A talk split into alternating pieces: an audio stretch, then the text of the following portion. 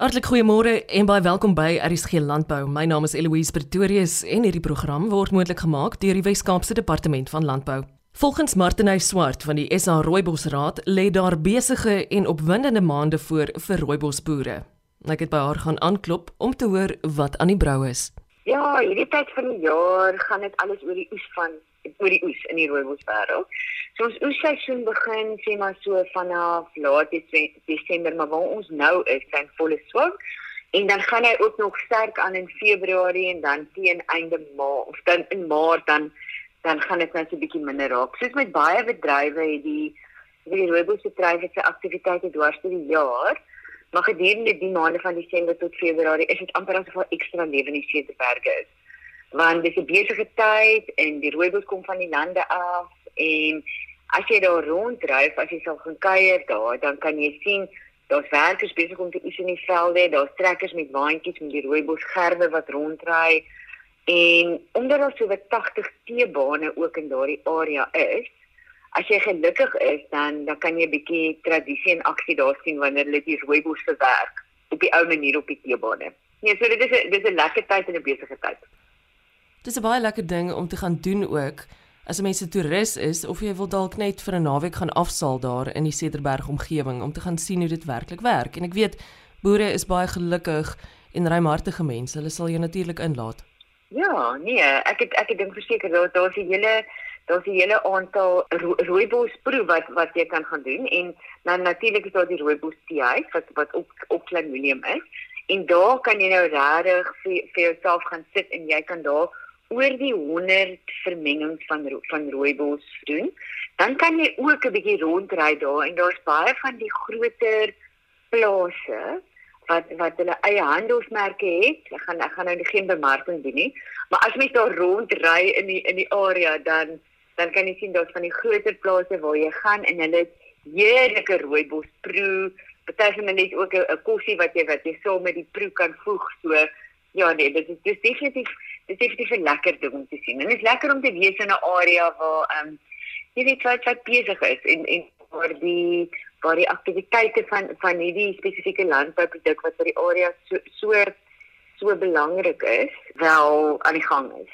Maar net nou die vorige keer wat ek en jy gesels het, was daar baie goeie nuus wat te maak het met rooibos tee wat uh, ons bespreek het. Ek wil graag hê jy moet tog net ons luisteraars se geheue verfris en ons dalk ook net op hoogte bring oor watter voordele dit intussen vir die produk ingehou het. Ja, goed, so dit is dis eintlik baie interessant. So verlede jaar, dit is 'n dit was 'n wonderlike geleentheid, geleentheid vir ons, maar ons het die registrasie verlede jaar gedoen oor die beskermde geografiese aanwysing in die in die Europese Unie. So wat dit beteken, 'n beskermde geografiese aanduiding, is dat die produk wat deur hierdie registrasie beskerm word, word vasgemaak aan sy plek.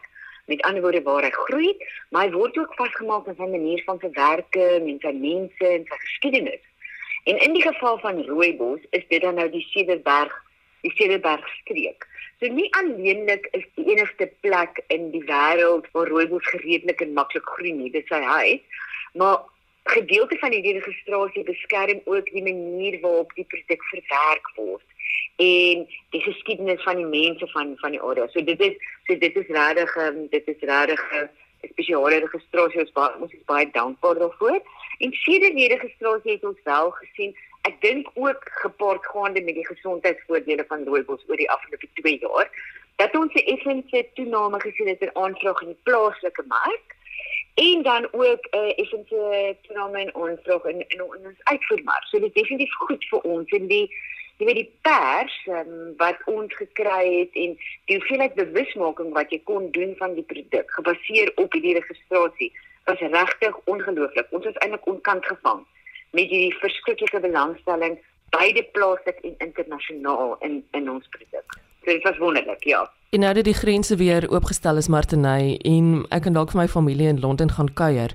Ek gaan hom nie daar raakloop as rooibos nie, maar ek gaan hom erken as redbush. Ja, dit is dit is waar. So die so die geografiese geografiese aanduiding in die Europese Unie en dan nou eh, as as jy gaan na die Verenigde Koninkryk, is in inderdaad Redbush. Hulle is meer hulle is meer ehm um, bekend met met die naam en dit is wat hulle hom daar noem. Ook dit miskien wat ek nou net genoem het, nie vir die duifraas wat ek net duidelik te maak. Ek sê net maar iemand kry dit reg om rooibos iewers anders in die wêreld te groei, in Australië, want die klimaat is dalk 'n bietjie dieselfde as ons sin. Hulle kan dit nooit rooibos of redbush noem nie. Want daai naam word slegs beskerm vir die produk wat gegroei word in die Cederberg area. As ek so na jou luister, klink dinge regtig baie positief vir rooibos boere en enigiemand anders wat verbonde is aan rooibos vir 2022. Is ek akkuraat in my intuïsie? Ja, ons het 'n goeie reënvalseisoen gehad en ehm um, ons het so ons ons volume dink ek gaan gaan goed kyk mens weet nooit net dis te vroeg om om nou al definitief te sê maar dit was 'n baie goeie reënvalseisoen soos wat ons almal weet. So jy weet ons ons ver verby die dae van die droogte, so dit gaan 'n goeie oes wees. Ons het verlede jaar regtig waar uitsonderlike geleenthede gekry om om inligting te deel oor die plant en ons bedryf. So Ja, dit gaan goed in die rooibosbedryf. Ek smal daaroor dat daar soveel vroue is wat ook, jy weet, aantree as rooibosboere. Ja, daar is en dit is ek ek dink wanneer ek dink wanneer ons wanneer ons kyk na 'n bietjie weier as slegs boere en wanneer ons kyk na die hele bedryf. Ons het omtrent 300 kommersiële boere, 160 klein boere en dan het ons 80 teebane en 11 verwerkers. En in die hele verspreiding word daar weet word daar goeie werksgeleenthede vir omtrent 8000 plaaswerkers gegee waarvan daar ook baie vroulike plaaswerkers is. En ek dink meer en meer ook veral in die klein boergemeenskap is die vroue besig is die vroue besig om om om toe te tree tot die bedryf en dan natuurlik op verwerkingsvlak. Wanneer jy kyk na 'n bietjie hoër op in die ketting soos bemarking en wanneer ons wanneer ons kyk na na ons werking area sien ons regtig waar dat ja, ek dink ek dink daar's 'n goeie verdeling tussen tussen die manlike en die vroulike geslag in ons bedryf. Martine, ek weet daar is soveel raad beskikbaar aan voornemende asook gevestigde rooibosboere in ons land. Veronderstel, jy weet daar is vrae wat hulle graag aan 'n kenner sou wou rig. Waartoe stuur ons hierdie mense? O, hulle is baie welkom, baie welkom om my te kontak. So hulle kan gaan op die webblad van die Suid-Afrikaanse Rooibosraad Ja, isaroebos.co.za en daar is 'n e-posadres en hulle kan enige enige vrae wat hulle het aan ons rig en ons kyk baie gereeld na daai e-pos en ons kan dan vir hulle antwoord as daar enigiemand wat geïnteresseerd is of jy weet selfs verbruikers wat net 'n vraag het oor die produk, is ook welkom om ons te kontak. So gesels Martiney Swart van die SA Rooibosraad. Hannes Meyer is wynmaker by Lemont in die Kaap Agulhas wynstreek, 'n plaas met nie minder as 18 verskillende grondtipes. Ek wou by hom hoor hoe hierdie ongewone verskynsel die wynmaakproses beïnvloed. Ek is nou so 4 jaar hierso en ek gaan nou 2019 was ons eerste oes gewees in in die nuwe keller. So hierdie gaan nou ons uh, wat is ons derde oes wat ons nou gaan doen in die keller uh, die jaar. En um, ons is eintlik ek sou sê net nie ons actually nogal baie excited vir dit. Ek dink uh dis die eerste keer dat die keller actually nou is die beste voorberei is vir dit nog en ehm um, so dit gaan 'n dit gaan 'n goeie ene wees. So en ehm um, en voor Lemont was ek by by Simonse gewees vir uh vir 10 jaar. Ek rol die kaart van Suid-Afrika oop. Waar vind ek Lemont? So Lemont is geleë in die ehm um, wat is in die Kaapagullas wynstreek. So Kaapagilla is natuurlik die mees suidelike punt van uh van Afrika. So ons is gebaseer basies tussen Gansbaai en Baarskeerdersbos. Die naam Lemont, waar kom dit vandaan en wat is die betekenis daarvan? So dis eintlik 'n uh, ja, eintlik 'n interessante storie toe die Birkenhead skip uh, by Danger Point gesink het in 1782 haar rond. So in daardie jare was die reël op die skepe gewees dat uh vrouens uh, kry eers voorkeur op op die reddingsbootjies te gaan. Ehm um, en dan al die al die vrouens af is en daar's nog 'n plek vir die vir die mans, dan kan die mans gaan. Maar daarso het het twee skotte met die naam van Ben Nevis en Ben Lomond. Hulle het ehm um, hulle het iewers afgesneek en hulle het die land gemaak en hulle het toe nou hier van Danger Point se kant af hier oor die oor die bult gestap. En die spesifieke oggend was dit blykbaar 'n redelike mistige oggend en dit het vir hulle herinner aan Skotland en hulle het besluit om toe nou maar hier te bly. En ehm um, dis actually twee twee berge of twee koppe van die berg of wat ook al hierso op uh, op Loumond. Die een se naam is actually Ben Loumond en ander se naam is is uh, is Ben Nevis. En ehm um, daar's actually 'n Mount Loumond en 'n Mount Nevis in Skotland ook. En ehm um, omdat ons hierdie ongelooflike mooi dam het uh hier by ons op uh, op Loumond het um, ons het vernoem na uh, na Loumond omdat omdat by Mount Loumond in Skotland het hulle 'n log. So dis waar die waar die korrelasie uh, vandaan kom. So daar's ons 'n uh, whisky distillery ook in Skotland met die naam van van Loumond. So daar was 'n bietjie van 'n van 'n koppestamp oor die oor die naam met hulle, maar as dit later dan so ingekom het ons die naam mag gebruik, uh solank ons dit nooit whisky maak nie. En ehm um, so dit is die dit is die storie waar die naam vandaan kom. Wat die terroir betref daar by julle, is dit 'n baie unieke situasie. Kan ek jou vra om asseblief vir my kommentaar daarop te lewer? So Kapagillas is is vir my seker een van die mees uniekste wynareas uh, in Suid-Afrika. Ek was al bevoorreg gewees in my in my in my loopbaan om met drywe te werk van al die verskillende areas in in die land. En ek vind dat die dat die wyne wat ons maak van van die Kapagillas is is uniek van enige ander area en ek sê uh, soos die Engels altyd sê uh, die wyne wat ons hier het het 'n sense of place. Ehm um, omdat dit so so uniek is en die groot ding is van die klimaat. Uh klimaat is uh um, speel 'n groot rol in die in die tipe style wat ons maak en die karakter van die wyne wat ons maak.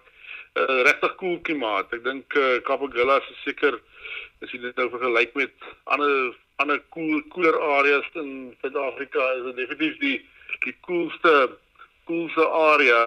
Ons kry baie selde hier Bloumond actually dat die temperature bo 30 grade gaan en dan die die nice ding van alles is dat jy kan basies uit al ons wingerde sien enige van ons wingerde staan kan jy die see sien. Ons is soos die kraai vlieg omtrent 5 km van die see af. So in die aande kry jy 'n ongelooflike mooi afkoel effek van die van die see af wat wat natuurlik great is vir die vir die rypwording, lekker lang stadige rypwording.